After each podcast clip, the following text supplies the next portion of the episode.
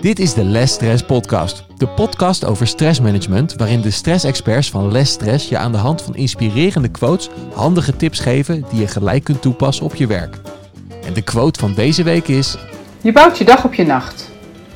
Herstel van dagelijkse stress speelt een belangrijke rol in het goed functioneren overdag. Tijdens slapen herstelt het lichaam zich van wat je hebt gedaan overdag en de hoeveelheid stress die je hebt gehad. Genoeg slaap is dus belangrijk om overdag goed te kunnen presteren. Maar wat is voldoende slaap? Vorige week heb ik beloofd om meer te vertellen over de effecten van goed slapen en of jij een slaapschuld hebt en wat de gevolgen hiervan zijn. Hoeveel slaap je nodig hebt varieert per persoon. De meeste volwassenen hebben genoeg aan 7, 8 uur slaap per nacht om uitgerust te zijn. Ik zeg bewust goede slaap. De hoeveelheid slaap die je nodig hebt is afhankelijk van factoren zoals je leeftijd, je manier van leven, je gezondheid, maar ook de kwaliteit van je slaap. Er is veel wetenschappelijk bewijs dat slaap ontzettend belangrijk is. Want als je niet goed slaapt, dan kan je lichaam onvoldoende herstellen en kun je overdag niet goed functioneren. Je immuunsysteem werkt niet goed. Je bent vatbaarder voor infecties. Je concentratievermogen is aanzienlijk lager. Je bent ook sneller negatief en ervaart meestal meer stress. Uit onderzoek van de Universiteit van Warwick is gebleken dat je meer kans hebt om eerder te overlijden als je minder dan 6 uur per nacht slaapt. Maar ook als je meer dan 9 uur per nacht slaapt, kan dit negatieve gevolgen hebben. Er zijn overigens wel uitzonderingen op. Atleten, sporters die hard trainen, hebben meer slaap nodig. Maar ook als je ziek bent, kleine kinderen en chronisch gestreste mensen hebben meer slaap nodig om goed te kunnen herstellen. Naast het aantal uren zijn er ook nog een paar dingen die belangrijk zijn om te onthouden. In je slaap ga je door een aantal slaapfasen, die bij elkaar één slaapcyclus vormen van ongeveer 90 minuten.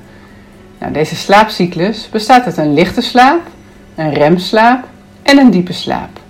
En deze slaapcycli herhalen zich steeds, meestal zo'n 4 tot 6 keer per nacht. En iedere fase heeft een functie. Op die functie gaan we nu niet dieper in, maar laten we eens gaan kijken of jij een slaapschuld hebt. Hoe laat ga jij gemiddeld naar bed en hoe laat word je gemiddeld wakker?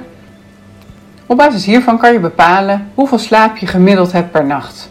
Nou, even belangrijk om te weten, we kijken alleen naar de weekdagen. Dus stel, je slaapt 6 uur. Dan vermenigvuldig je die 6 keer 5 werkdagen en heb je gemiddeld dus 30 uur slaap per week. Hoeveel uur slaap jij gemiddeld in die 5 werkdagen? Als je dit getal hebt, trek er dan voor jezelf 37,5 uur van af. Nou, in mijn rekenvoorbeeld kom je dan uit op 30 min 37,5 is min 7,5 uur. Ik ben wel benieuwd, welk getal heb jij? Dan is natuurlijk nu de vraag, wat betekent dit getal? Nou, kom je uit op een 0 of een positief getal? Dat is super mooi, want dan heb je geen slaapschuld. Heb je een negatieve uitkomst, zoals in het rekenvoorbeeld van mij min 7,5, dan heb je een slaapschuld.